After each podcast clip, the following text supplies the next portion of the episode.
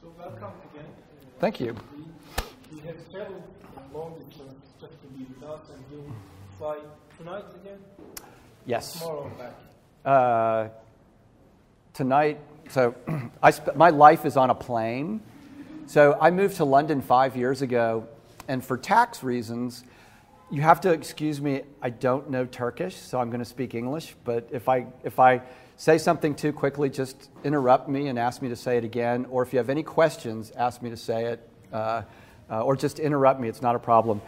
Um, uh, this is. Can, is it okay if I just go ahead and start? Cool. Yeah. So this is going to be a little bit of a different presentation than what I normally do. And it has to do with some things that have happened in the last few weeks and months that have really radically changed the world. Um, and so back to moving to London. So five years ago, I moved to London uh, from the United States. And for tax reasons, I had to track all of my plane flights.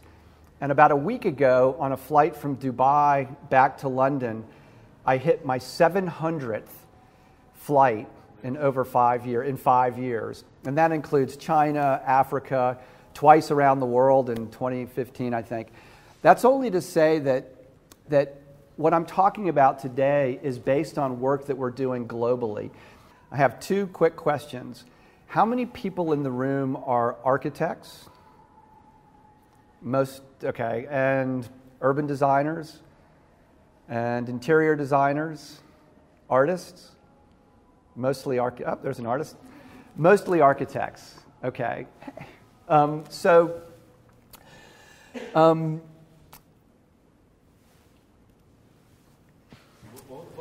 this question for? um, oh shoot. Uh, the question I'll, I'll, I'll bring back a little bit why i was asking what y'all do. And it has to do with the fact that we have a lot of different people working in a lot of different ways and no real common platform to sort of understand the world. Um, I think we have a lot of perspectives. Oh, sorry, one more question. Any engineers? One? What kind of engineers? I'm sorry? Civil? Stru- No transport engineers. Good. Okay, perfect. Um, so, uh, so the second question is there anybody in the room that's over 40 years old? A couple of people. Yeah, one. I know you are. Okay. And this is an important thing because um, this was uh, an article in the New York Times. I don't know if you saw this, but it came out about four weeks ago, maybe five weeks ago. And it was essentially saying that all of the projections for climate change were significantly under anticipating the, the detrimental impacts that we're going to be seeing, and that we're going to be hitting at a 1.7 um, degree increase um, some, some potentially irreversible catastrophic events in 2040, right? Now, that seems like a long way off, but I was about your age that you are now, and you'll be my age in 2040, right? And I can tell you that if I look back over the last 25 years, it doesn't seem like that long. And so, what this started to tell me is that we have kind of catastrophic events that are about to unfold. And that in general, those of us that are sitting in the room and, and, and what we represent, which is design of the built environment, have a huge impact on what this future is. But unfortunately, most of us are very myopic and focused in what we do, right? And there's a reason for this. And so the New York Times article was based on a report that was put out um, uh, by the United Nations um, on climate change, and it talks about some very specific issues. Just out of curiosity, how many of you have read this or know about this? A couple of, I'm sorry? Know about it. So, has anybody else in here seen this report or heard about it? So, one, one other person said, This is phenomenal if you think about it. This is an international crisis that we're seeing that's being put out by the United Nations. And those of us that are designing cities and buildings and places aren't super aware of what's happening. All right. So, I'm going to back up 2,500 years. This is actually in Turkey, right? Does anybody know what this is? Right? Miletus? That was designed by Hippodamus 2,500 years ago, right? The ruins are still, are still here in this country on the coast. Most people think it's in Greece, but it's not. It's actually in Turkey. This is an example of one of the very first planned cities in the world, right? And the, the criteria through which, or the ways that this city was, uh, was designed, are and should still be with us today. Embedded in this process is an incredibly adaptable and resilient program, which is unfortunately unlike anything that we see being planned across the globe. So you walk out this door and up the street and into the village, right? Is there anybody in this room that doesn't love that? Is anybody that walks out and says, we should never build anything like this again? This is terrible. No right? But you know that with, without exception, across the world, in every developing company, uh, country, what's outside that door is illegal or almost impossible to build, right? Think about this, right? And it's because of the legal structure and the engineering structure, the processes that are put in place that tell us how to make cities. So I'm going to I'm going to go through parts of this very quickly, and some of this is a little bit technical, but I'm doing this on purpose because I want everyone to understand the implications of the decisions that we're making now. And this has a lot to do with why this center is so important, because it's an area where people can come together to understand the implications of what we're doing. So, this is essentially the same thing that uh, Hippodamus did in Miletus, but this was William Penn in Pennsylvania about 2,100 years after uh, Hippodamus lived. And it was simply a projection of public rights of way, a location of public buildings, and then places where you built buildings, whether they were residential or commercial or institutional. That was it. And within this logic, there was an amazing adaptability. So the blocks that were set up, the places that were owned by individuals, could be a place to grow corn right? Think about this to grow corn, to build small buildings, or to, big, to build very large buildings, right? So in 1702, this is what Philadelphia looked like. Remember that the framework that built the city never changes over these years. In 1908, this is what it looked like. In 2011, this is what it looked like, right? The streets that William Penn designed in the 17th century never moved right? It was completely adaptable. So a place that I could grow corn was the same place that I could build a high rise building. And so it was ultimately adaptable. But that's not enough anymore, right? What we're doing is, is we're talking about sort of small cities. And so what we've started looking at is the way that we can come in and set up a framework for a national platform that allows us to do two things to, fan, to, to plan the physical structure of a country as it transforms and to analyze the impact of these situations. So, most of you might not know this, but in 1785, Thomas Jefferson, who was the third president of the United States, created a thing called the Land Ordinance of 1785. And what that was, in an amazing way, was a grid that was placed over the entire country. So the grid structure that you see in Los Angeles today was put in place in the late 18th century by Thomas Jefferson. It was actually based on Roman geometry in a very interesting way. And what it did was set up a system through which you could build cities, right, with a kind of logic. Now, Jefferson didn't know this at the time, but the legal description of the way this got subdivided had a huge impact on the way the country was developed because the legal lines that defined who owned which area of land resulted in a much higher level of connectivity, right? In the same way that Hippodamus' streets in Miletus or Penn streets in, in, in uh, Philadelphia resulted in public connectivity, right? Keep that in the back of your mind. And so, in this, there's a kind of logic that gets you all the way from something that's uh, 36 miles, so 75 kilometers by 75 kilometers, all the way down to a block that is 20 kilometers by 40 kilometers. It's important to understand that in this system, if we think about New York, the Empire State Building, the largest building in the world for 50 years, sits on a piece of land that's about 70 kilometers by 120 kilometers. Think about that, right? And think about the fact that that building could sit on one of the blocks that are outside this building, right? And then you look across across the Bosphorus at Zorlu Center and think about the giant uh, uh, uh, area that it takes up. So, this amazingly, see the pattern in this, right? This was all sub- uh, suburbs in Arizona that were built in the 1940s, 1950s, 1960s, and they reflect the plan that was put in place by Jefferson 200 years prior. Now, I'm not arguing whether or not that's good or bad. We can discuss that, but it has a lasting impact on what we do, right? So, the result of this is an idea that how we divide up our land is more important than what we do with it. And this is critical because there's one thing that every single development in the world right now is being uh, planned through, and that's land use. Everybody's heard that, right? What's the land use? Remember that no city that was built before 1930 or 1940 had any kind of land use plan. This is something that was invented as a way to run calculations to figure out how we were going to uh, uh, develop areas, right? So keep this in the back of your mind that how we divide land is more important than what we do with it.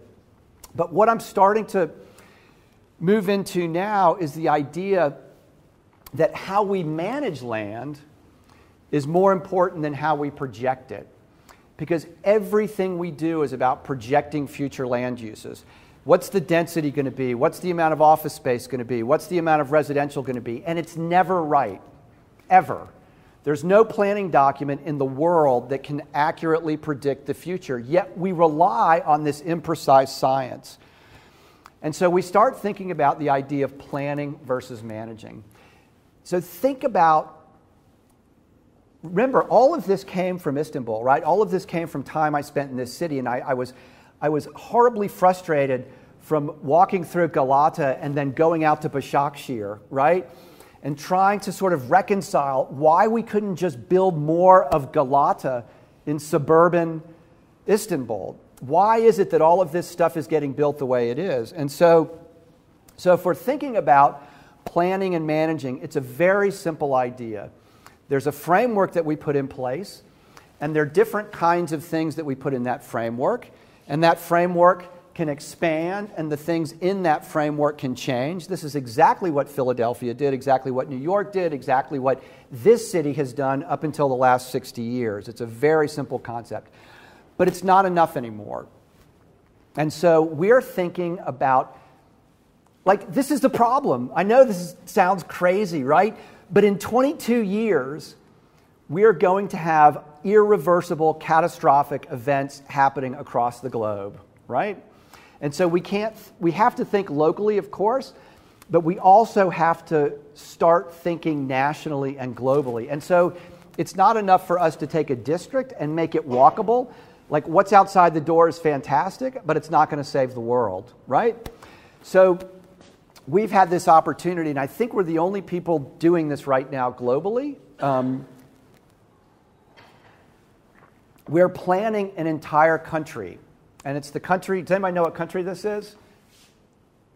It's, yeah? Kuwait. Kuwait, absolutely.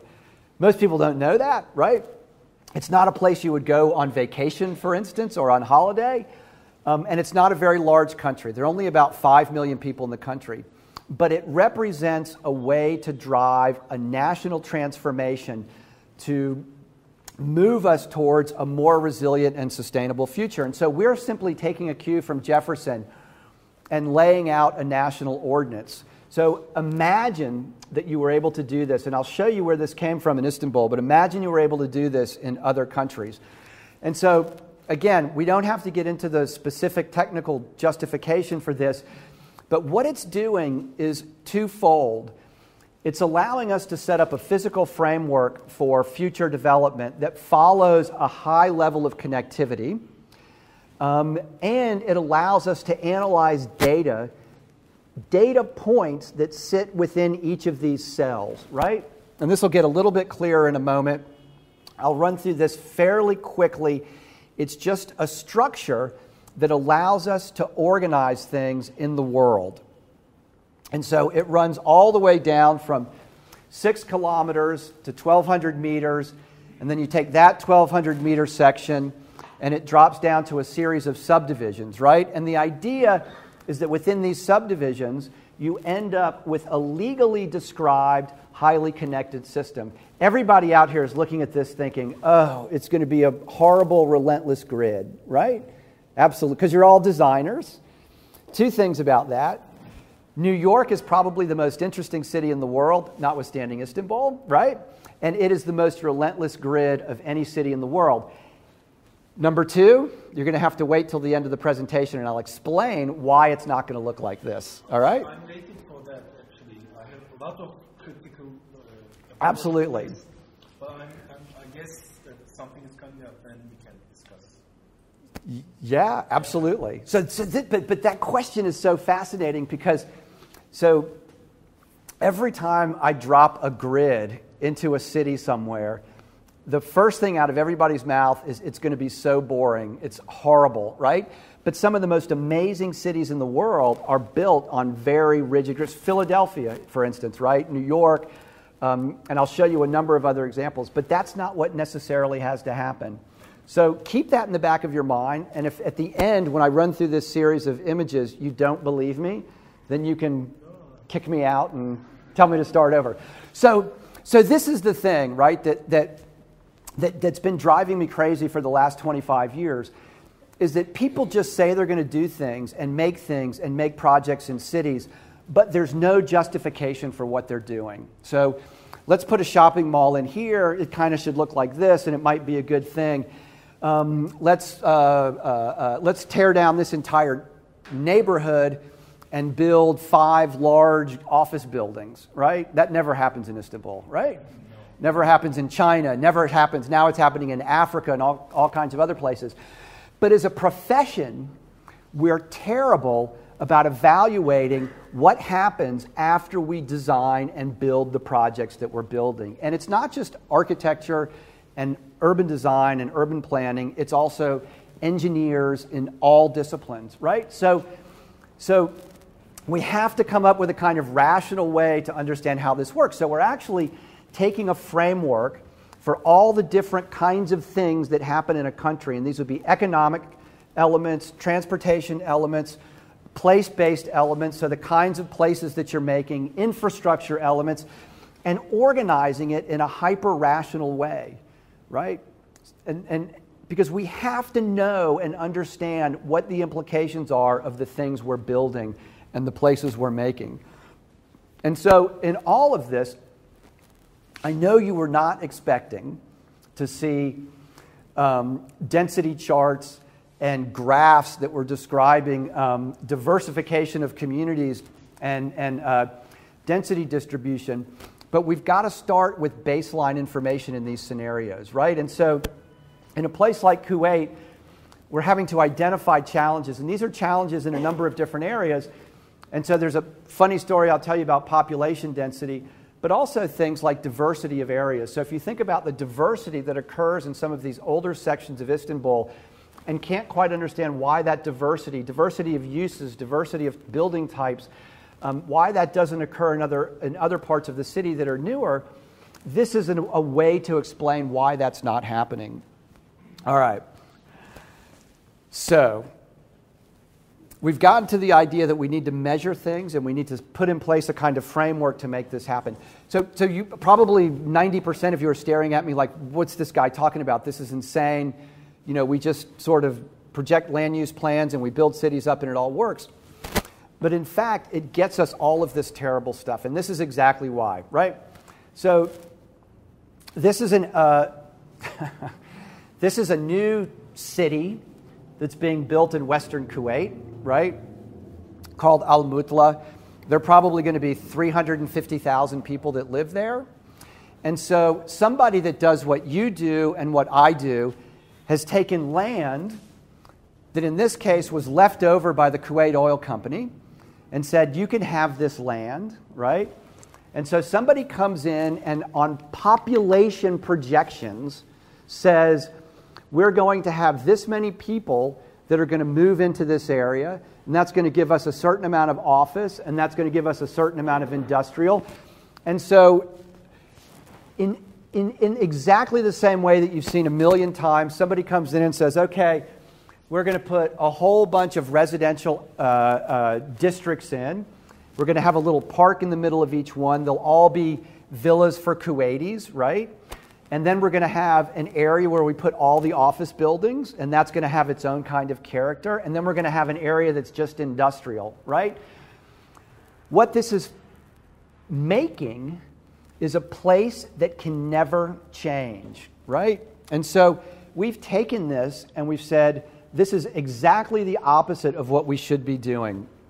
All right, so what we should be doing is looking at setting up the framework, understanding where the developments are, and then putting that in a system that allows for change and expansion.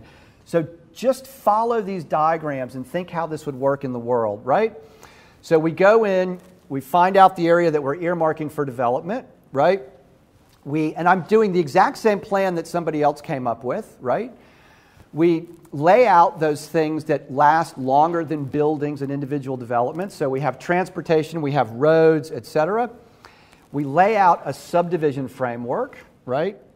Remember, this doesn't exist in planning in the world right now.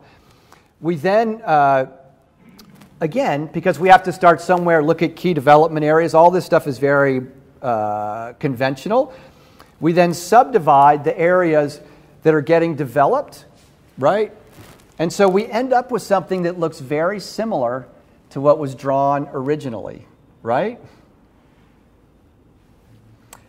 I can't overstate what I'm about to show you, right?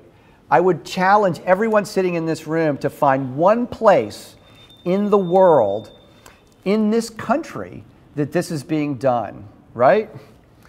And so then what we do is we're able to populate at an abstract level, right, all the different kinds of things that might go into this city that's going to emerge over the next 30 years.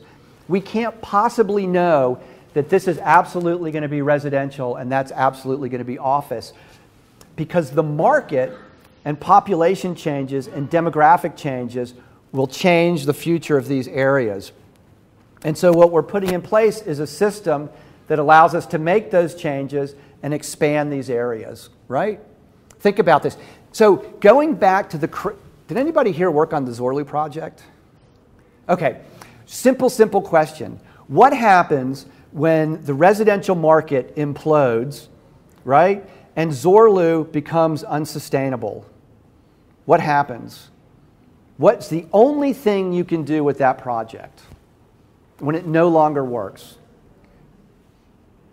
Tear it down, and start over, right? It's the exact opposite of the way we built cities for millennia in the sense that they were adaptable and changeable, right? So, so everything that we need to know about cities is incorporated into this structure.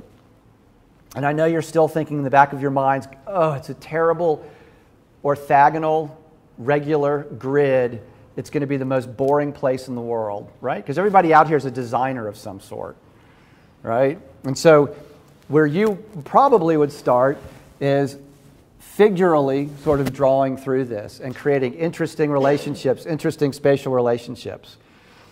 So, this is it. This is a very simple way of developing projects, cities, neighborhoods, districts in the world. So I ask you all, rhetorically or in reality, is there any reason anybody can see sitting in this room right now that you wouldn't design development this way? What would be the problem? And I'm, actually asking anyone in here to tell me why would you not do this? No? And how much does this get done in this country? Never, right? Never. Never does this get done in China. Never does this get done in Turkey. Never does this get done in the Middle East. Never does this get done in Africa now, unfortunately. In the United States, with some very small exceptions. And so, what you end up with is a very broad area, right, that describes a number of uses that are getting distributed in a much more granular way, a much more mixed way, a much more adaptable and flexible way in a geographic area. All right, so we think back to Penn's drawing of uh, uh, Philadelphia, right? And we could take that drawing and populate it with all sorts of different uses. But we think back to the original drawing of this development, Al Mutla, and the residences can only go where you've earmarked residential. The office can only go where you've earmarked office because the physical framework is different, right?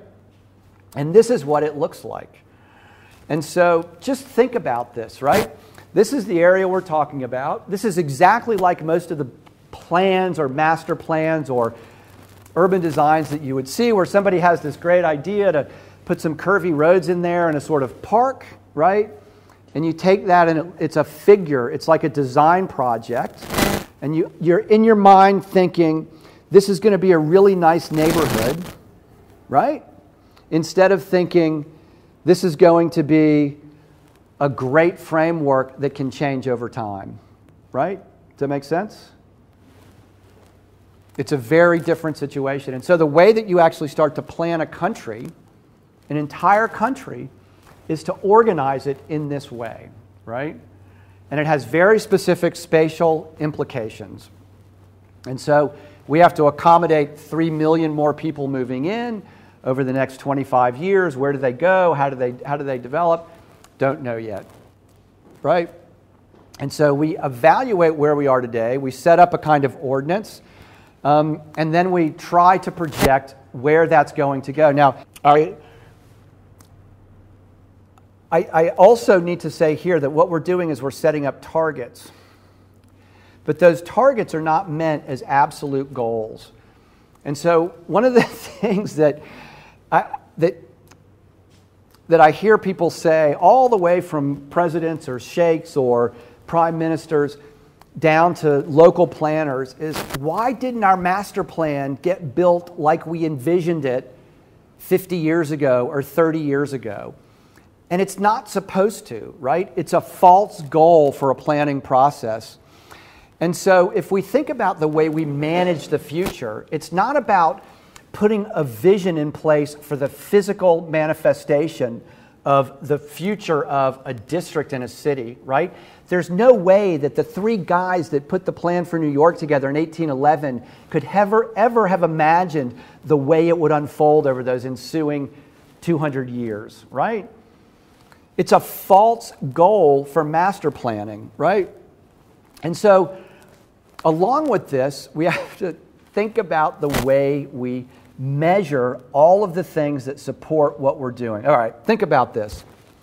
Very, very simplistically, we've got densities of 20 people per hectare or two people per hectare, right? And this, this is a development pattern that we see spread throughout many different areas.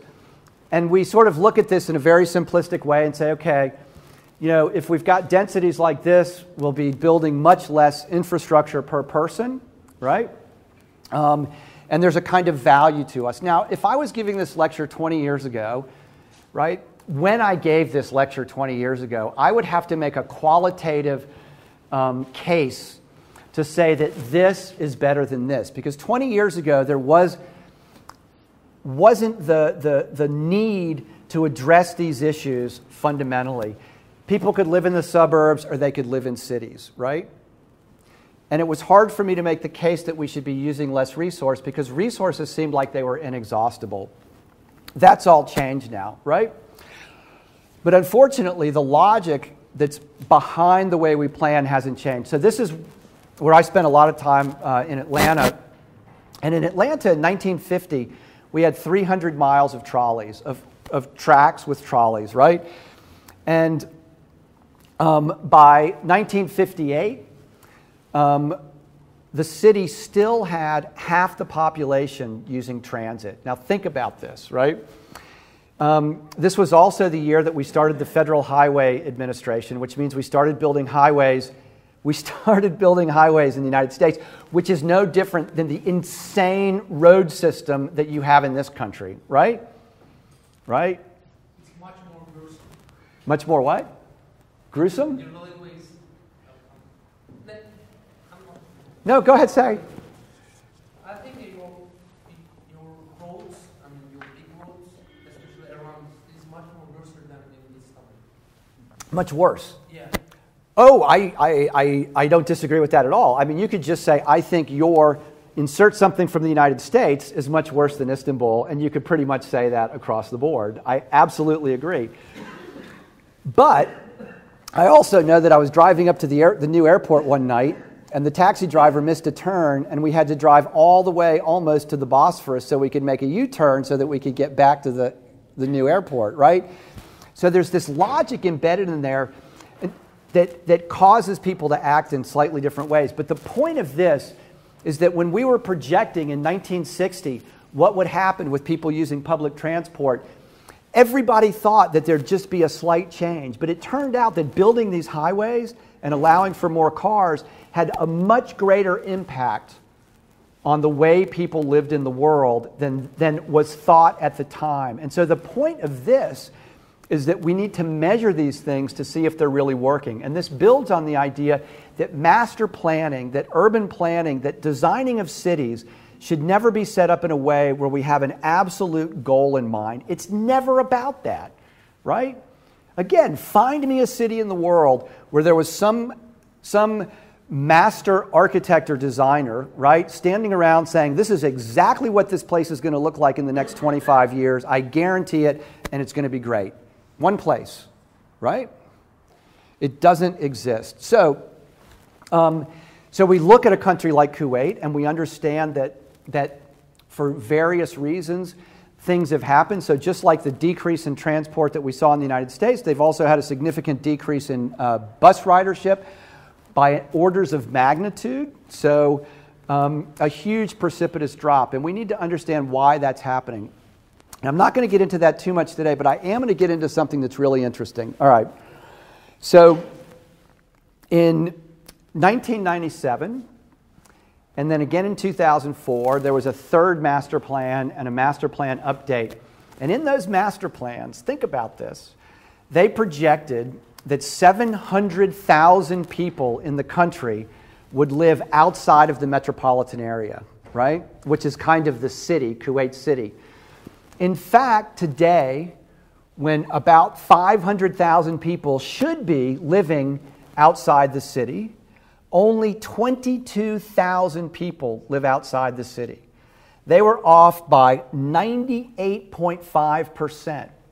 So think about this. The master plan projected that people were going to be living in these new communities, but it never happened.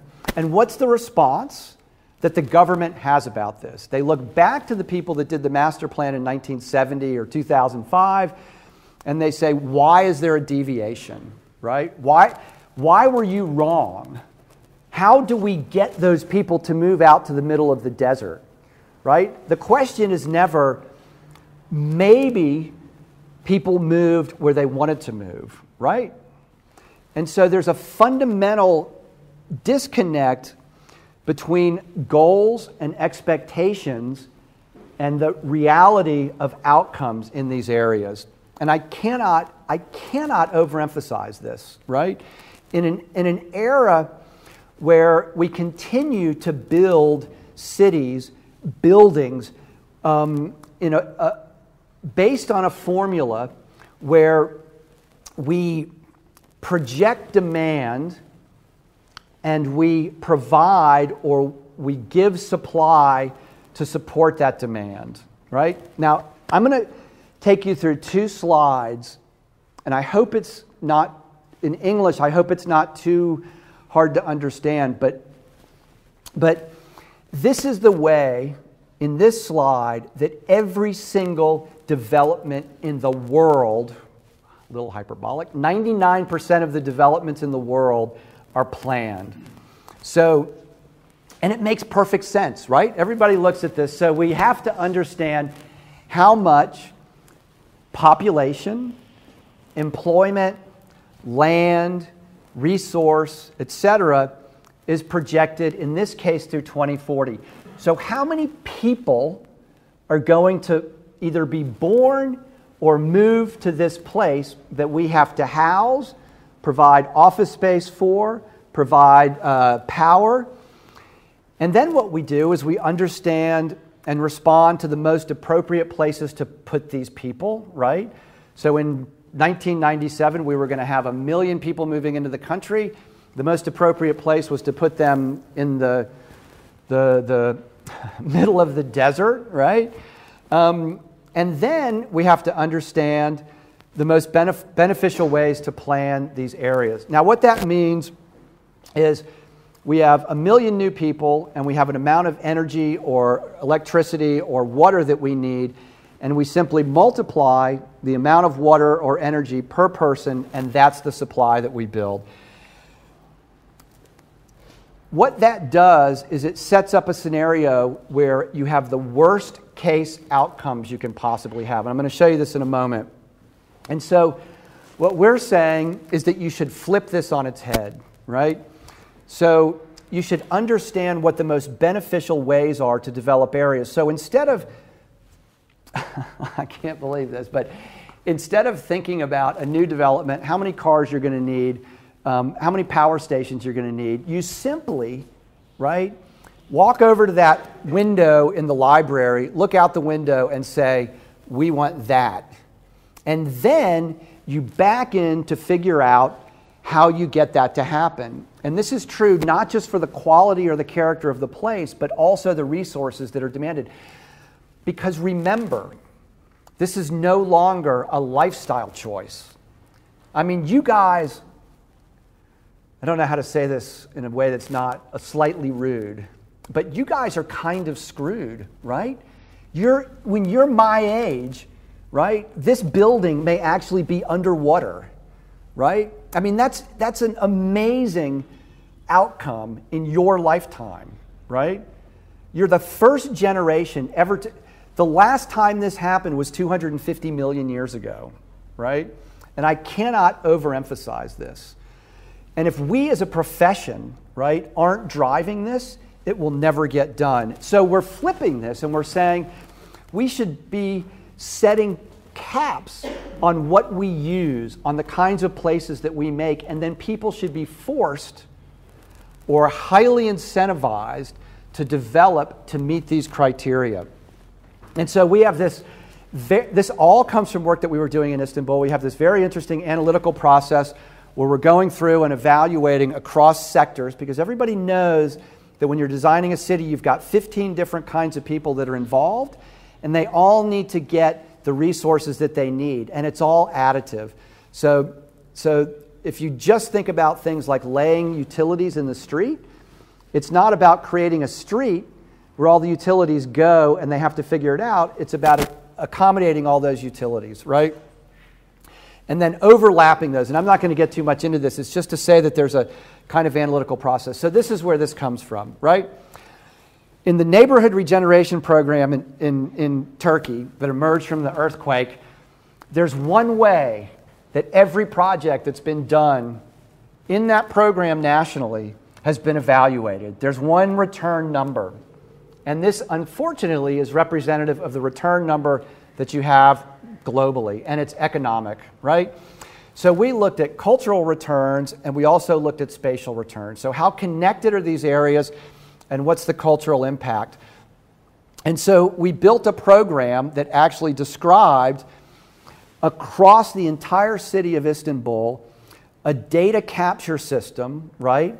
That took all the information about land value, about connectedness, um, about cultural institutions, and then used that running through a program to understand what the places were that were capturing the highest level of return across those three metrics, right?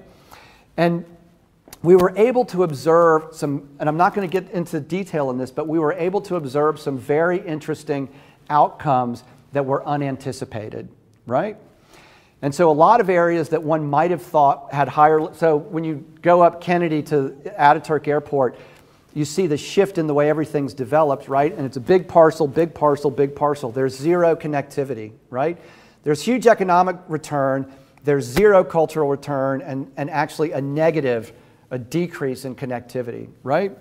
But there are certain areas where this is actually being captured and has had profound beneficial impacts. This is especially problematic when you start laying it over the Marmaray line and you start to understand that you're not getting a return on a public investment, which is the subway, the, tr- the, the, the, metro, um, that you're building that doesn't have a high level of connectivity to people that live in those areas. And in fact, most of those people drive, right? And then, again, it's a little bit technical, but we were using uh, regression analysis to understand the codependency or the impact that each of these variables has on each other. I put this in here, right, to make it clear that as designers in the world today, right, because I'm just an architect, I don't have a degree in anything except architecture, right? But I've had to learn things like statistics, right, the law, um, engineering, in order to combine all of these ideas so that we can understand the outcomes, right? And so we now have a model where we can go into every single neighborhood in Istanbul and find out what the baseline value is across those three areas and what the projected either increase in value or devaluation will be, not just for economic purposes, but for issues of connectivity and issues of cultural impact. Does that seem like something you might want to know? Right? Do you care enough about Istanbul to want to ensure that the neighborhoods that are being redeveloped have the same level of connectivity so that you can do things like walk that you can do here and the same cultural foundation. Does anybody think that's a bad idea? Can anybody name one redevelopment in the city, in the country, that's being done like that right now? No. Right? Or in the world. This is a huge problem, right? So I had a little walk around here, and apparently, this beautiful uh, Garden Grove Park just up the street was supposed to be a hospital, right? I don't know, 10 years ago, 15 years ago? No, no, no. Two years ago? Five years. Five years ago, right? So in this case, a number of residents got together and said, this is a bad thing. That doesn't happen very often, though, right? And it would have destroyed the neighborhood to have a hospital. Yes, there's value in health care, absolutely. But how do we evaluate where these things go? It's not just about finding land that could be built on and building something that makes somebody money, right? It has to be more than that. And we, as designers, have to have the tools that allow us to objectively, right? Objectively engage with engineers, financiers, governments, right? All right, I'm going to skip through a little bit of this. This just goes through the methodology. If anybody's interested, they can uh, ask me about it later. So we've then laid this entire system over Kuwait, right? And we're under, remember, all this is coming from work we were doing in Istanbul. So this is the value of this kind of global system is we're taking what we learned in a city like Istanbul and we're able to superimpose it over a city like Kuwait City and go through the same process to make these kinds of places, right? And so in this case, this, is, this had never been done before, right? We're evaluating at a very detailed level. this is insane to me, right? The amount of people that could actually walk to the transit stations that were being proposed. And along with that, we're also running through, and I put these up here not to go through them specifically, but to describe the level of analytics that are in, involved in creating great places, right? because we no longer have a convention where we just build cities with small blocks and highly connected streets, right? Somehow we have to figure out a way to not do that. Right? I didn't get on a, the whole time I was over at the Hilton. Once I got out of the adjacent neighborhood, I was on grade separated highway from there all the way to about half a kilometer from here, right? The transport, it's all disconnected. So, what we're trying to do is make the, the, the analytical case that if we put these things in, we're actually going to have significant impact. So we're calculating and evaluating the benefit from the, the three criteria that I described of putting in place infrastructure components. So when you're thinking about uh, Kazla right? So we were doing a big project up at Kazla There's a giant train station right there, and there was no desire to make connections between the, pro- the, the project that was on the sea and the train station. Why? Because everybody had a car, because they were expensive units. And so you think about the craziness of building an incredibly expensive it's insane. An incredibly expensive metro system and putting it next to development that people aren't going to use. And this was part of the uh, analysis that we did through this process. And so here, so Kuwaitis will not take public transportation. So what we're trying to do is talk about all the non Kuwaitis who will use this system. And it actually had to be measured, right? Now remember, this is coming from a design perspective right? What I'm trying to do is make a great place, and I'm trying to use this data to build the, the defense of what we believe and understand to be highly connected, highly accessible, adaptable places. Again, this is just running different scenarios through these criteria um, for the different kinds of people and types of people and the, the connectivity that we can um, allow. And so, again, I'm not going through these, but, but this is these sort of regression analyses are not something that you think about involving yourselves in as designers, right? You look at this and you think, oh, that reminds me of when I had to take calculus and do derivatives. I'm so glad I don't have to do that anymore, right? But in fact, this is the data, this is the information that's being used by different sectors to promote each of their individual goals, right? And this is why I asked if there are any transport engineers, because all transport engineers care about is moving traffic quickly. All uh, power engineers care about is getting electricity across the country efficiently. They don't care where the substations go, right? Um, all, all, water, all, all hydrology engineers care about is moving water right after it rains. They don't care necessarily about the quality of the place. I'm being a little bit hyperbolic. I'm, it's not exactly like that, but it's pretty close. All right. I'm going to skip through a little bit of this, right? All right, now, I know you're going to think this is slightly painful because nobody wants to talk about this is not power like the government, this is like power like lights, all right? But I want to explain the unbelievable impact that we have as designers if we understand how these systems work. Okay. So remember when I talked about population determining how much stuff we put in certain areas? Well, it's the exact same thing for power everywhere, right? Any of you that have been involved in uh, big projects know this. You project how many people are going to live, how many people are going to work, how many cars you're going to have. And then each of those persons has a certain amount of kilowatt hours, right? And you simply multiply that by the number of people and then add 20% just in case there's a problem and that's at peak demand. That means that you're supplying enough power in a project for the worst case scenario times three. So it's the worst case scenario for population increase, it's the worst case scenario for peak demand, um, and it's the worst case scenario including uh, uh, uh, uh a margin of error, right? Which is usually about 20%.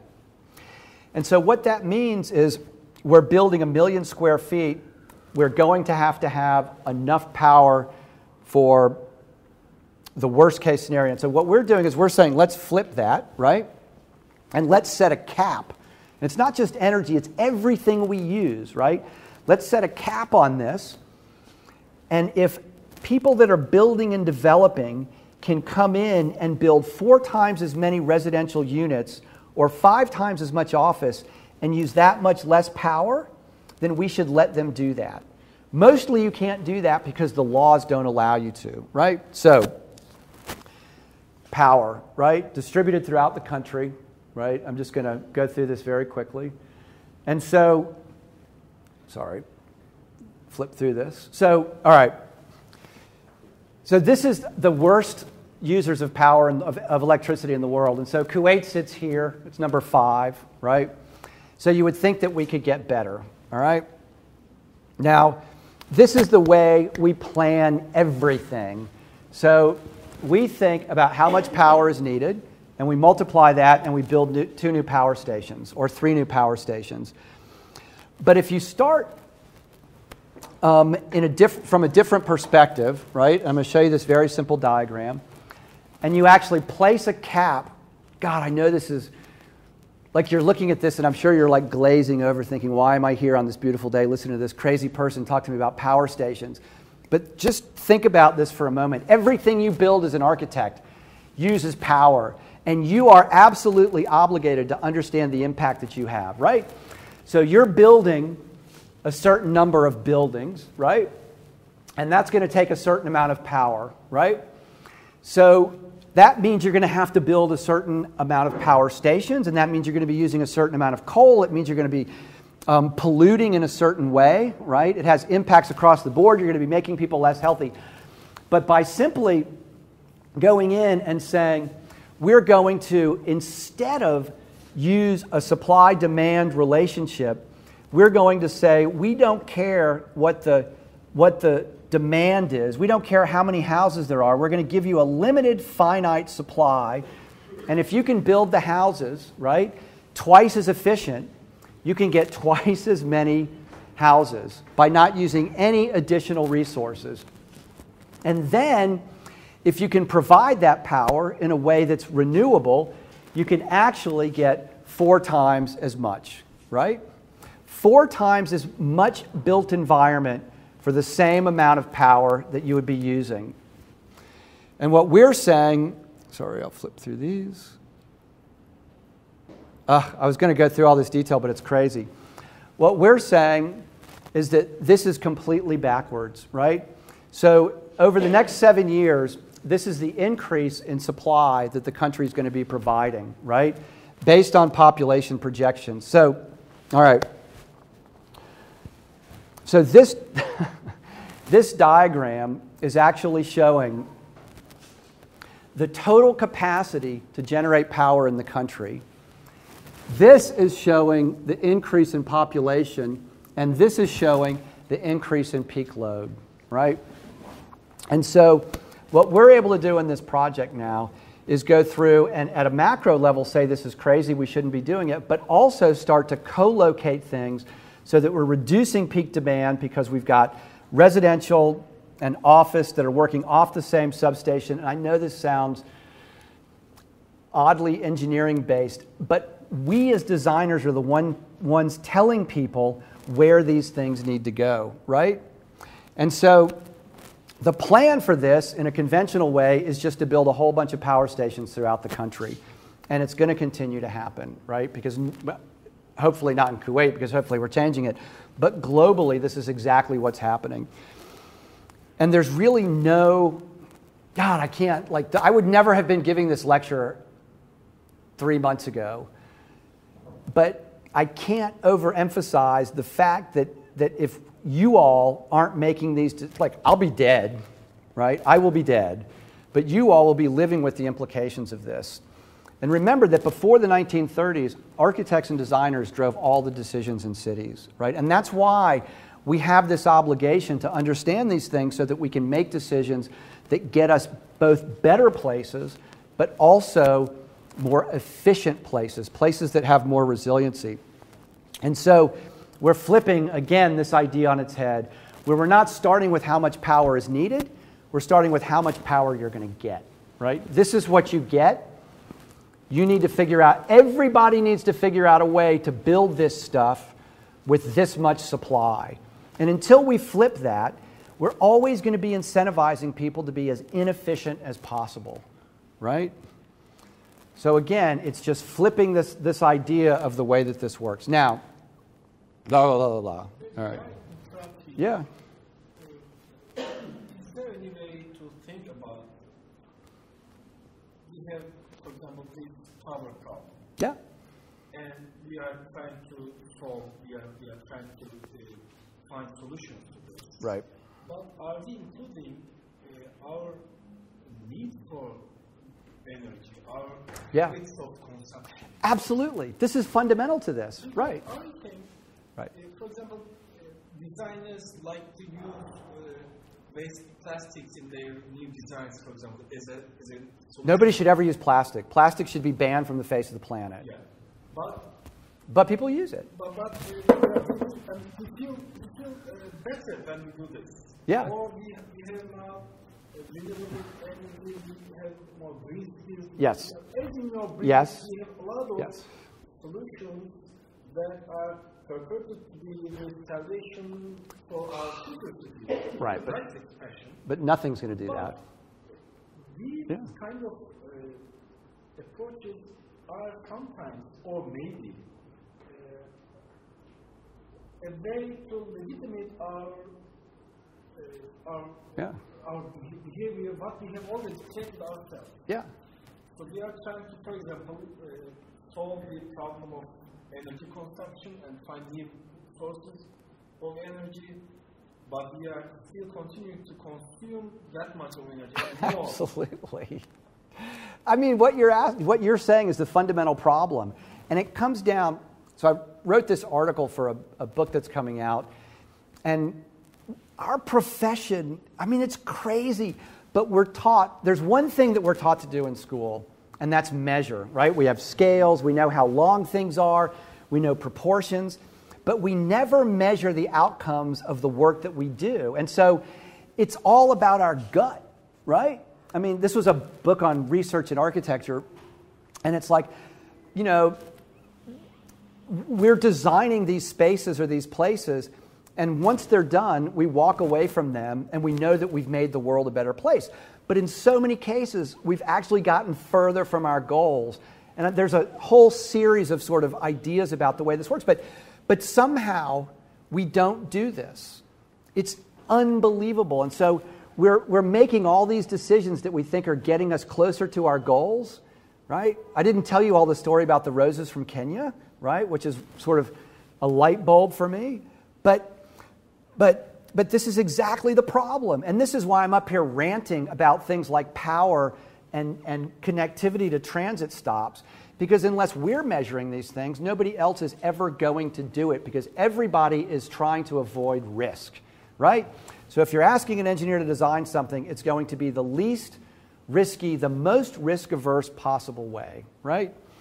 So, all right, very quickly, um, going back, sorry, going back to this idea of grids and how bad they are, like everybody hates them, right?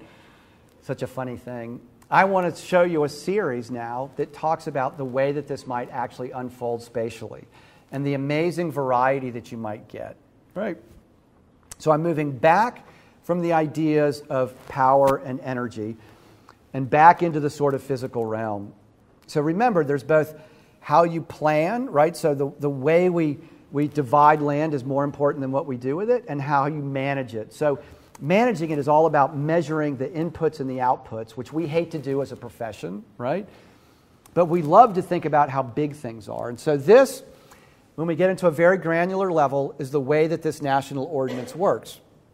So it goes from 1.2 kilometers, and then it can be subdivided into smaller and smaller areas that ultimately end up getting you down to blocks that are something like 2.25 hectares, right? But remember that this is just a way to make people not do really bad things. This is never going to get you great, super designs for places. But it means that as a way to measure, we can look at a series of taxonomies, a series of organizations, right, that describe the way these things might work. And so this might be a way that you organize a 600 by 600 uh, uh, uh, part of the city, right? It might be this, it might be this. We might start adding parks, don't care. We might have a long linear boulevard. We might have different pods of this stuff that drop into the 200 by uh, 200 modules, right? I don't, don't know, right? Right? We might start mixing these.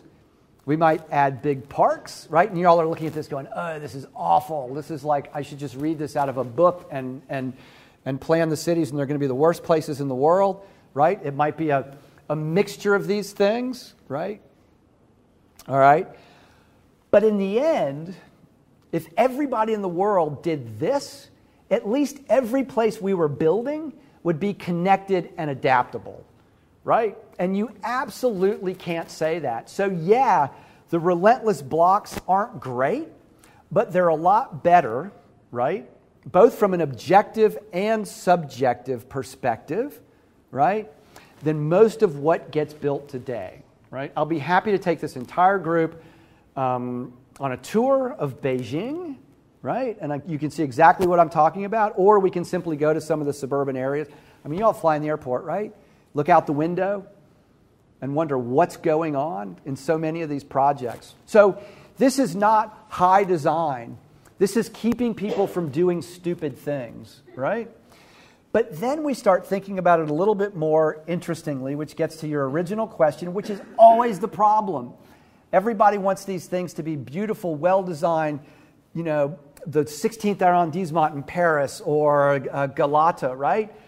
But it's not always possible to do that.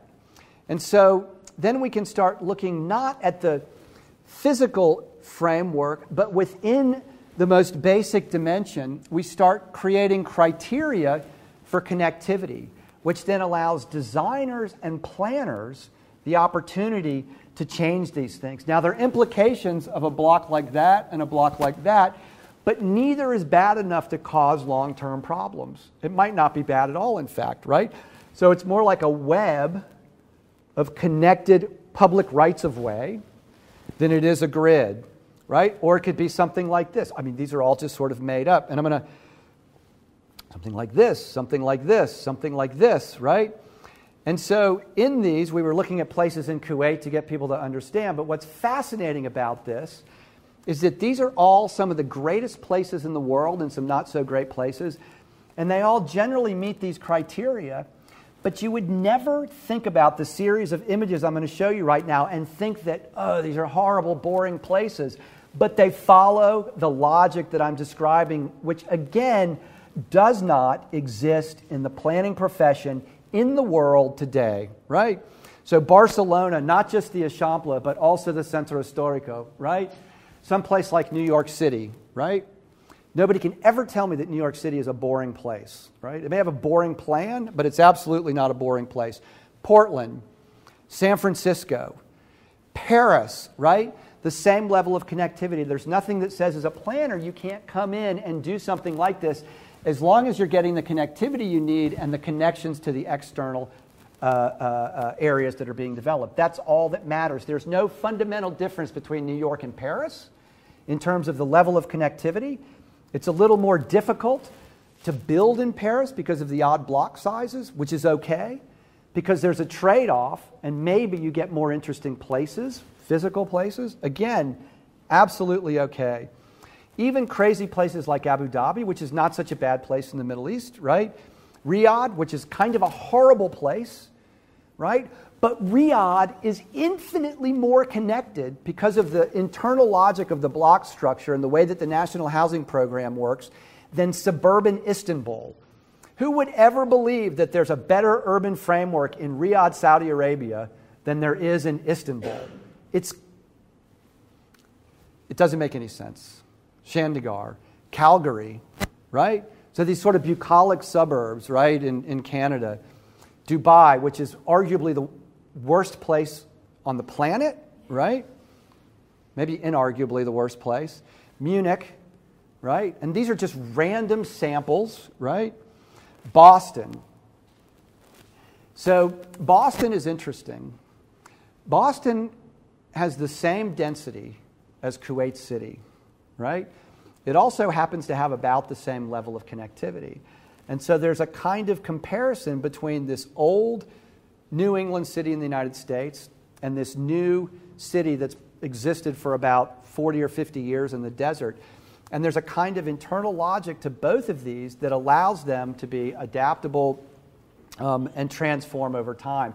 So, so every time somebody says that the grid which is a terrible word, but that the, the grid just creates banal, boring cities, we have to remember that we're in charge of the way we actually lay these things out. And so if we could take these ideas about planning cities and superimpose them with all of the information and data that tells us that we're going to get the most efficient use of resources and then track that because we make it easy to measure, we're going to end up with a much better future. But if we don't do this, we have absolutely no capacity or opportunity to know, back to your point, that we're making the right decisions, right? Because there's a giant disconnect between perception, what we perceive as the right thing to do, and the reality of the situation. So, all of this is organized around three simple questions. And so, this was downtown Kuwait in 1952. It was completely destroyed by the master plan they put in place. It actually worked really well. And so we have to understand where we've, where we've been in all of this, right? And this is a perfect setting for that. Um, sitting here is where we've been. This is historic Istanbul, right? We also have to think about where we are now. This is Kuwait, but it could just as easily be parts of Istanbul. I can look across the, the river and I can see exactly this being done, right? This is where we are now, right? It's probably not where we want to be in general, right? Probably 95% of the stuff that's getting built right now in this city is not good enough from every single metric, right? And then we have to think about where we're going, right? and how we get there. And my basic thesis, basic premise is that if we don't do it, and I'm an architect, right? So I think I'm the center of the universe, right? But if we don't do it, who else is going to step up and organize all of the different disciplines that go into making places and making cities, right? So I'll stop there. That's a lot of work that you all have to do in the next how old? 25, 30, next 25 years, right? So, anyway, any questions? Yeah? Uh, no, I was just going to mention that I, I'm not really personally fond of formal approaches. So this also means for me that I hate those curvy designs as much as I hate the grid itself. Yeah. It's not the it's not about the grid, actually. No, right. Absolutely not. Yeah. yeah. Both in city designs and in architectural designs, for, for architectural scale, I use the grid myself. Yeah. And I, I'm loving it. So it's not the grid or the curvy design or, or any other formal approach that I have uh, I have doubt uh, in my mind actually. So uh, I would like to emphasize that my main objection or my main question is not the grid actually. Uh, but as you come from that point and you shared a key city uh, area photographs with us, I think I didn't see any, for example, we should, uh, uh, we can think any Islamic cities in, in those.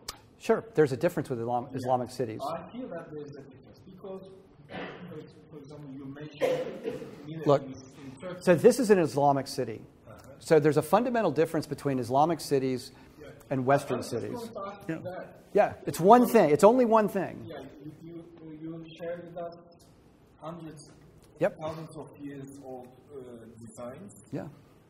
but maybe there is something different with the perception of this world in, in some of these Yeah. geographic lands. Yeah, absolutely. For example, did you see any uh, old photos, photographs of, of Ottoman Bursa or some, or Isfahan Yeah, or, or Hiva? yeah. So uh, probably there is something uh, continuing that you can inherit from the millet in Turkey uh, Yeah. thousands of years. Absolutely. But there is some, some different approaches maybe, which regardless of, of any form of approach, uh, some different qualities or some different uh, researches or, or needs, for example, different than the Roman city. Absolutely. So I'm also uh, interested in what those qualities may be, or should we uh, think about them, or should we just think they have uh, as, as if they have never existed? Not at all. And so I, this is a really interesting point. And so, first of all, this presentation was already too long, right? And everybody's already thinking about how they get out the back door.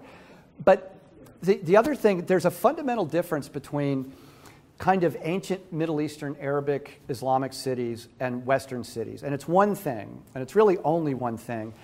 And it's embedded in the, in the existing city in Kuwait. Um, and we have a lot of research that we've done on this because we work in so many areas in the Middle, Middle East.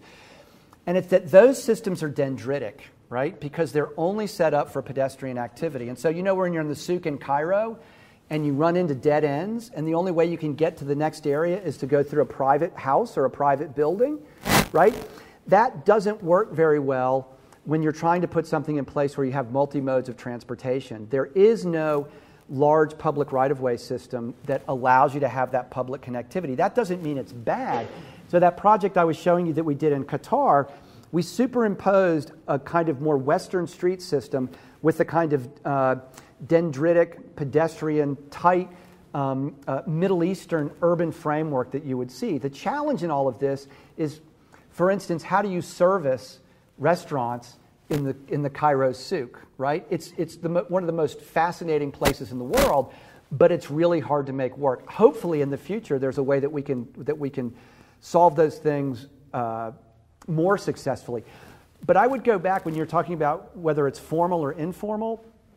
I, I honestly, so I have this mantra that I, everybody's going to argue about the way cities should look, what they should have in them, who should live there, how much they should cost. And I only want one, when I die, right, I only want to have left one thing in this world. I want to have given people a place where they can have those arguments, and whomever wins that argument can't destroy the thing that supports the city, right? You know what I mean? Like, you guys can argue about the form of the streets, you can argue about all that stuff, but at the end of the day, I want something there that allows it to change and adapt over time without losing the fundamental characteristics of the place, right? And so it's hard for us as designers to understand that because we think about the object. And what I'm thinking about is the thing that exists prior to the object that unifies all of these varied voices, right? And, and the, the, the, the depth and breadth of research across the board to figure out what these things need to be is vast. And nobody, nobody can answer all these questions. But we can look at what has happened historically, those places that have allowed these transformations to occur, understand the basic characteristics of those. And as long as we're following those basic characteristics, we can engage in much more refined design, development, discussion, etc. For example, if talk for Istanbul especially, it's, it's a multi-layered city. Uh, of course. It's like it's a, a, a palimpsest city. It's Absolutely. Of civilization. Yeah, And right. Finally, uh, this great city has come up with this, uh, with this uh, uh, heritage, But, let me say. but Istanbul is not a great city. Parts of Istanbul are great, but most of it's awful, right? I mean, I'm just going to say that, right? No, yeah, exactly. And so, so this is my, so I know, so I spent 20 years in school, right, in, in the teaching at university, and I've gone through like all kinds of, of, of discussions about these sorts of things. But at the end of the day, that stuff out there is rising. The temperature is increasing. Your future children are in jeopardy, right? So I want to push all this stuff aside a little bit and figure out what the two or three things are that we can do and that we have to do that allow us to get back into the idea of not saving civilization, and I'm not, I'm not being hyperbolic, but designing great places, right? Our priorities have changed, right? So, so again, I, I've never given this lecture that I'm giving today, right? Normally I'm much more positive and broad and, and circumspect about what I think can and should happen in the world, but I think we're at kind of a tipping point right now, right? And I think that if we don't, and this, so, so this group of people is trying to lead design and planning and the future of the built environment in Turkey. So if you all don't believe that this is something that's necessary, where else is it going to come from, right? If I'm not being flippant or glib or dismissing anything in any way whatsoever, right? I'm just trying to get people to focus on this critical issue, right? I think you had a question? Mm-hmm. Yeah. Uh-huh. That's a good thing, probably. but since you were talking about land use and global mm. warming, uh, as most of the people know, uh, animal agriculture is the number one yeah. of the world, and 96% of that is for grazing and 23% of that is for uh,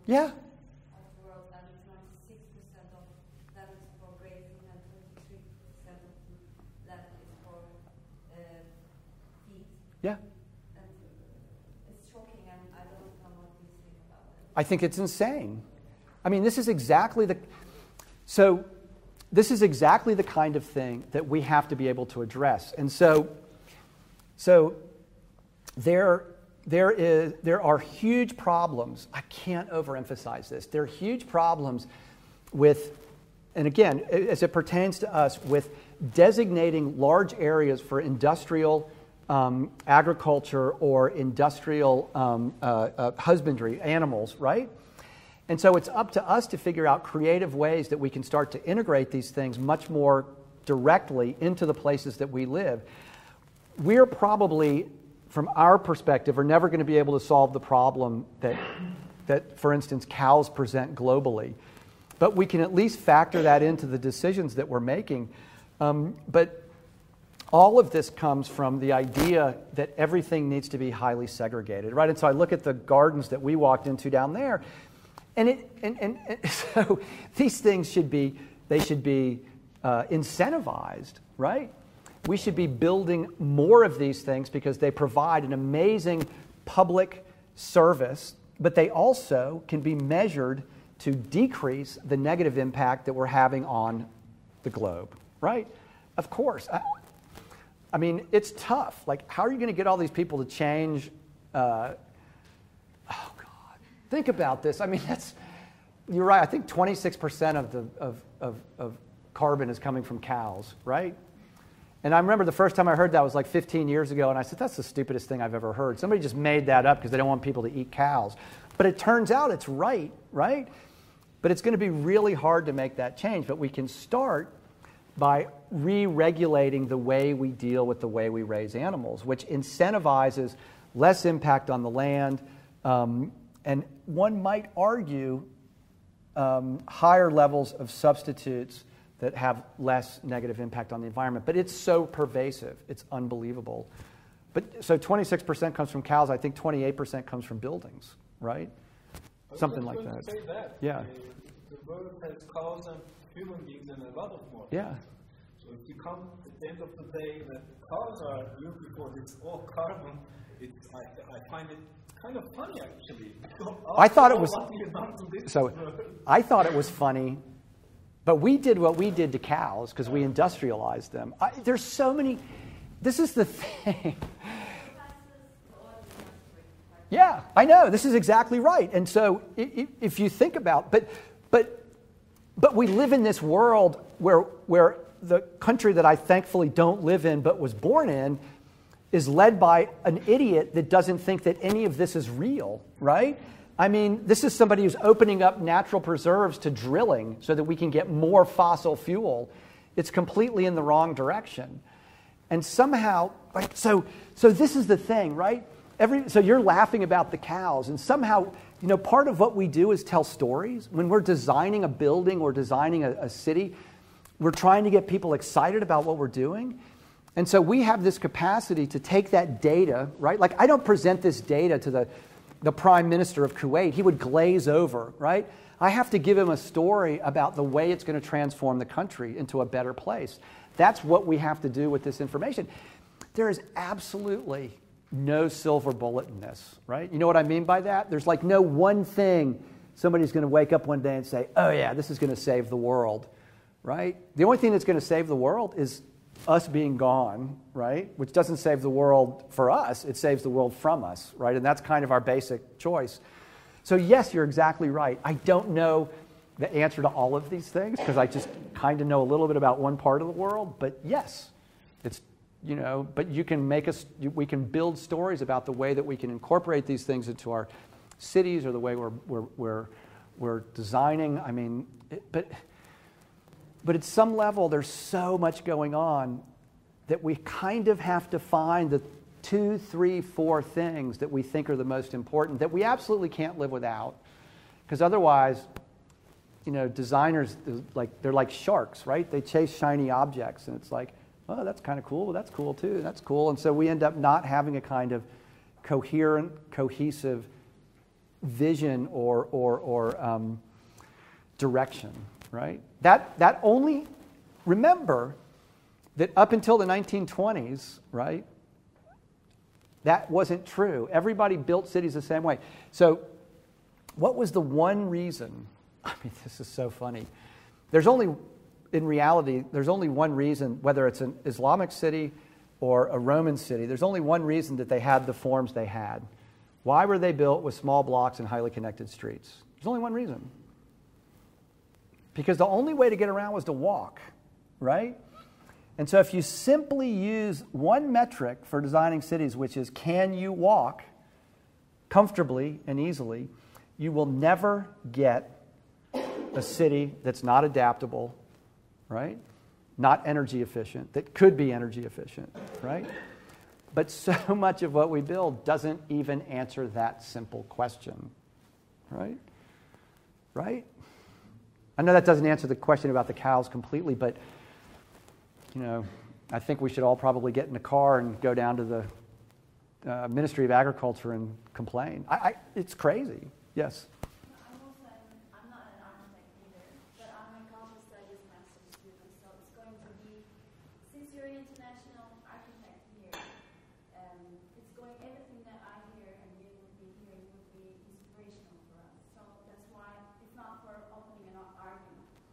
But should everyone have to have connections everywhere? No. Because, because we're living within the walls. Yeah. In, in, in, in uh, some, some uh, sites. So what about the, you have mentioned uh, about the dead end streets and how awful they are. No, no, no,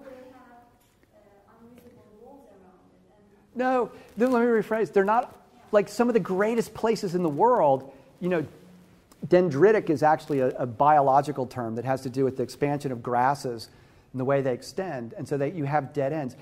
Some of the greatest places in the world. So the the um, you know, if you're in Fez or you're in Marrakesh or you're in Cairo, it's some of the most fabulous, vibrant urban fabric in the world. And I wish we could replicate it everywhere. Now, the dead ends that we have in the suburbs in the United States are horrible, right? But for a very different reason. So, so, so I would never make that qualitative judgment. All I was saying was that when you're planning new things, nobody's figured out how to, that I know of, has figured out in reality how to create those amazing sort of dead end spaces that you have in a dendritic pattern while simultaneously being able to service, um, at the most basic level, service areas that aren't accessible, right? I would love it. Like, you know, I tell all the stakeholders in Kuwait that the fact that they tore down their existing city was insane, right? There's so many amazing places in the world that have these dead ends. We should never lose that.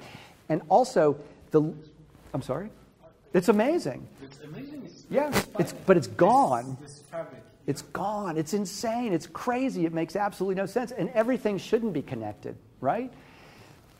But again, going back to worst case scenario, because the reality is across the globe, not everybody is adept enough to take a blank slate and create a great place that then gets connected to the next place that the next person puts in place, et cetera, et cetera, et cetera. So, all I'm really arguing for is a set of principles that need to be met at the most basic level. And once those are met, you have incredible amounts of freedom in the way that you design or move through these places. So, I mean, I, I think the world, I have this weird outlook on the world. So when I was a student, I, I went to school at the University of Paris, and I never spoke to anybody in the United States. Once a month, I would call my mother, right? And I would write letters. And the immersion I got in the French culture, right, is impossible today. So then when I went back years later to teach in Paris, right, my students, because I know that it's all great, but I'm just saying, you know, what you're saying that, that it was impossible for them to immerse themselves in a different culture, right? To the extent that one kid couldn't get through the turnstile in the metro, he called his parents in New York. His parents in New York called us in the faculty room, and we had to walk down to the metro to help him get his metro card. It was insane, right? So there's huge value, but we're but this is exactly if we're taking these horrible planning policies that we've had across the world, I'm sorry, coming out of the United States and the United Kingdom, they're the two worst countries for this, right? And then translating that into all these other areas, it's killing the world. And it might be okay if it was making it more sustainable, but it's doing just the opposite. We're losing local culture and we're using more energy and resources and we're lowering quality of life in almost every way. I know that's a long answer to a very clear, short question, but I agree with you 100%. Can I, can I end on a really short story? Right? So I think this might give you a little bit of insight. So, this is what got me started thinking about this a long time ago. There was an article in the New Yorker called Bigfoot, and it had to do with your carbon footprint, right? And so, you know, this, this park out here is a great example. Everybody knows that if you buy local, it's better, right? So there's this mantra, this rule of thumb, this smart sort of idea that we should buy things that are grown and, and raised locally. So there's this sort of story that I made up where I'm walking home in London one day and I've done something to annoy my wife, who, by the way, is also not an architect and thinks we're all crazy. But I've done something to annoy her, and so I stop into a florist and I want to buy her roses. And I have two choices. I can buy her roses that were grown in the Netherlands or roses that were grown in Kenya. Kenya is 4,200 miles away from London. Amsterdam is 200 miles. The roses that are grown in the Netherlands are shipped 200 miles over sea, mostly, which is the most sustainable way of shipping goods. The roses that are grown in Kenya are flown in on a jet 4,200 miles, absolutely the least sustainable way to move goods across the globe. So I go home, I give her the flowers, she's happy. But I start thinking that this might not be the whole story. That, yeah, it's local, but maybe there's there are other aspects. And so I start investigating the way the flowers are grown. And I begin to understand that in the Netherlands, they're all grown in greenhouses with fertilizer that, that expends carbon when it's fabricated. It needs to get shipped to the Netherlands so that it can be used. Whereas the roses that are grown in Kenya are grown in an almost completely natural, non resource intensive environment. So the carbon footprint for the roses that are grown in the Netherlands is six times the carbon footprint that's grown in Kenya. And the point of this story is that I think I'm doing good in the world by, by buying the roses that were grown in the Netherlands because that's what I've been told. Nobody really measured it, right? But once I sit down and measure it, I find out that my actions are getting me further from my stated goals. And that, in a nutshell, is the basis for all of this. I don't know what this stuff's going to look like. I don't know if it's going to be smart. But I do know that if we can measure the results, right, we can determine ourselves if we're getting closer to our goals or further from our goals. And at the end of the day, that's really it, right? Does that make sense? Sort of. And I have another uh, second question. Like, uh, for example, we have some organic cities. I'm from India, but born and brought up in Jeddah. Uh, we live in Al-Balad, the historical Jeddah. Yeah. And uh, after a few years, we moved to a new town, which is typically designed by American architect just like you. Yeah. called Al Naim, which has a typical gray uh, rectangular gray patterns. Actually, I lived there, and from there I went to India. I went. I felt India is really beautiful. Yeah. Why? Because in the in Jeddah where I live in online, I felt really boring because there are no kids on the street playing. Yep. We Just kind of So- I know exactly where you're coming from. This is from my blog. I'll send you a link, right? And it's called Organic Growth. I'm going to put this out there. The most organic city in terms of growth in the world is New York City, right? Which is completely counter to what you're saying, right?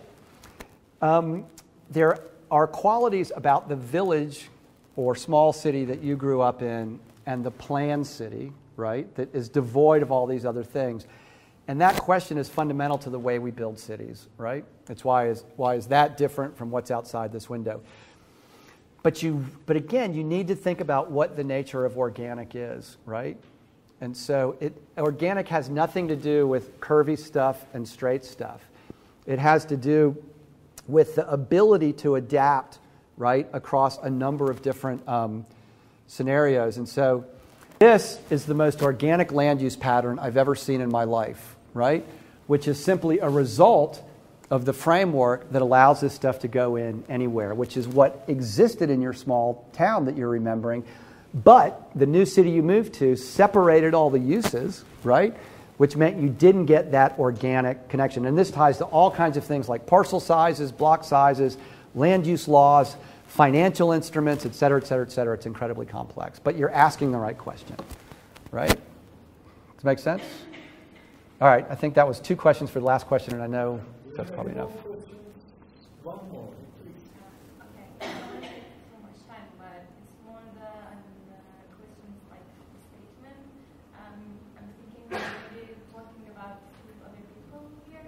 Um, I think um, young people like me, we um, when we go to architecture school, first assignment they gave us to build a house. Yeah. And I was refusing that because I think there's enough, uh, there's so much houses already, and they give us this land in Istanbul. There, uh, there was no any houses there, so I kind of didn't design a house in the land, but in the sea, just to point out that we all use the land like this. It's just gonna ruin the this kind, uh, this side of Istanbul too. Right. And the, the professor didn't accept my uh, didn't um, accept my design because it was in the sea. I think. Do you think like the professors? I think they have to change their mind Yeah. than us because we already uh, born in this world knowing that it's gonna end. You know. Yeah, everybody that's over 40 needs to change their mind. That goes without saying. But there's a really interesting saying, and it's nobody ever won by following the rules, right? And your goal isn't to get an A on your project, your goal is to push an idea. You know, and, and that has everything to do with short term gains and long term gains. And so I can't, if you had been in my class, I probably would have given you a B, right? I don't know. But, um, but yeah, I mean, it's, it, of course, everything has to do with pushing back on norms, especially when they're not working. think all the assignment that I get uh, while I was in the school was um, like killing the nature, but it in the first idea, you know. The second assignment was to build a school. I didn't build um, big walls um, surrounding the school. That was also a problem in my design. They didn't expect Hmm. They they so the, my my idea was okay. They want us to like kill the nature and build big walls. So- the first year. So I'm going to, so really quickly, because the Aristotle said a long time ago, 2,500 years ago, that something isn't so just because you name it. Paraphrasing, right? Um, but organic and nature, right? How can I stand up here and say New York is the most organic city on the face of the planet? The way you're using the word nature didn't exist before the 1700s, right? Remember that in the Garden of Eden, in paradise, paradiesa means surrounded by a mud wall. So the world was constituted by the thing that was inside the wall. It created the place, right? So again, it's great to push, right? Push back on these things. But you always sort of need to know what the outcomes are of what you're proposing. So, in theory, what you're doing is exactly right. I have no idea if the project was good because I haven't seen it, but everybody should be pushing back. But, but always keeping in mind that you have to be able to understand and measure the implications of what you're doing, whether it's a school project or a building you're building in a city or a city that you're actually planning, right? All right, I think that's. Question, maybe the last question. My question is about Istanbul actually. Mm. For instance, we had an earthquake here in Istanbul. Yeah. All Istanbul was destroyed by this earthquake. Would you apply the same plan you applied for Kuwait City? Well, there, there, there is no plan for Kuwait City. Um, Kuwait's, where Kuwait City is, is we're just laying a, a, a- a grid that allows us to analyze. There's a plan for the new areas that are happening in the north and the south. Um, I, I will answer that by saying um, you can look at what San Francisco did after the 1903 earthquake, and they took the exact same grid that they had and they just re-superimposed it. It worked out really well for a number of different reasons. If there was an earthquake that destroyed every building in Istanbul, apart from just being horrified, um, I would go back and look at those places, like outside the door, and I would try to superimpose that logic across the entirety of the city. That's what I would do. Do I know exactly what that is? I don't, but I could figure it out, right? Does that make sense? But it didn't work like that for Kuwait, for example. It was a, a different approach. Am I right? Well, it's both.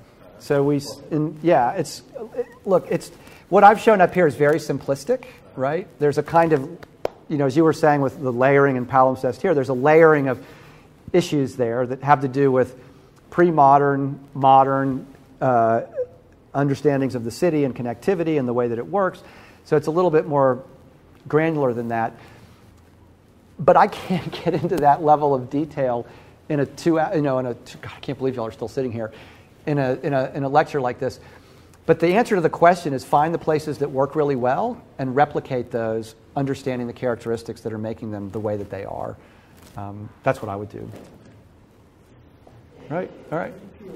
I have an interesting question. So, there is this phenomenon in Istanbul, because it is a thousand year old city. We have these huge graveyards, Yeah. and that doesn't happen in you know, the Western cities the other part of the world, uh, which we have irrelevant with. And where do you stand on this point, there is a lot of another uh, spaces that uh, we cannot figure out what to do with them. You mean like digging people up and moving them? Yeah. Okay, I'm gonna. I am. This thing's on the camera, so there's no way I'm gonna stand up here and say you should dig people up and move them. But one of the best parks I've ever been into. Two of my favorite parks in the world are um, uh, Père Lachaise and Montparnasse cemeteries in Paris. There are lots of dead people in there, but people stroll, picnic. I mean, that's a tough question. There's so much cultural background and all of that. Um, but cemeteries can be great parks, right? I'll just leave it at that. So I'm not getting into that political discussion. All right. Thank you all very much. That's definitely the last question. This was too long.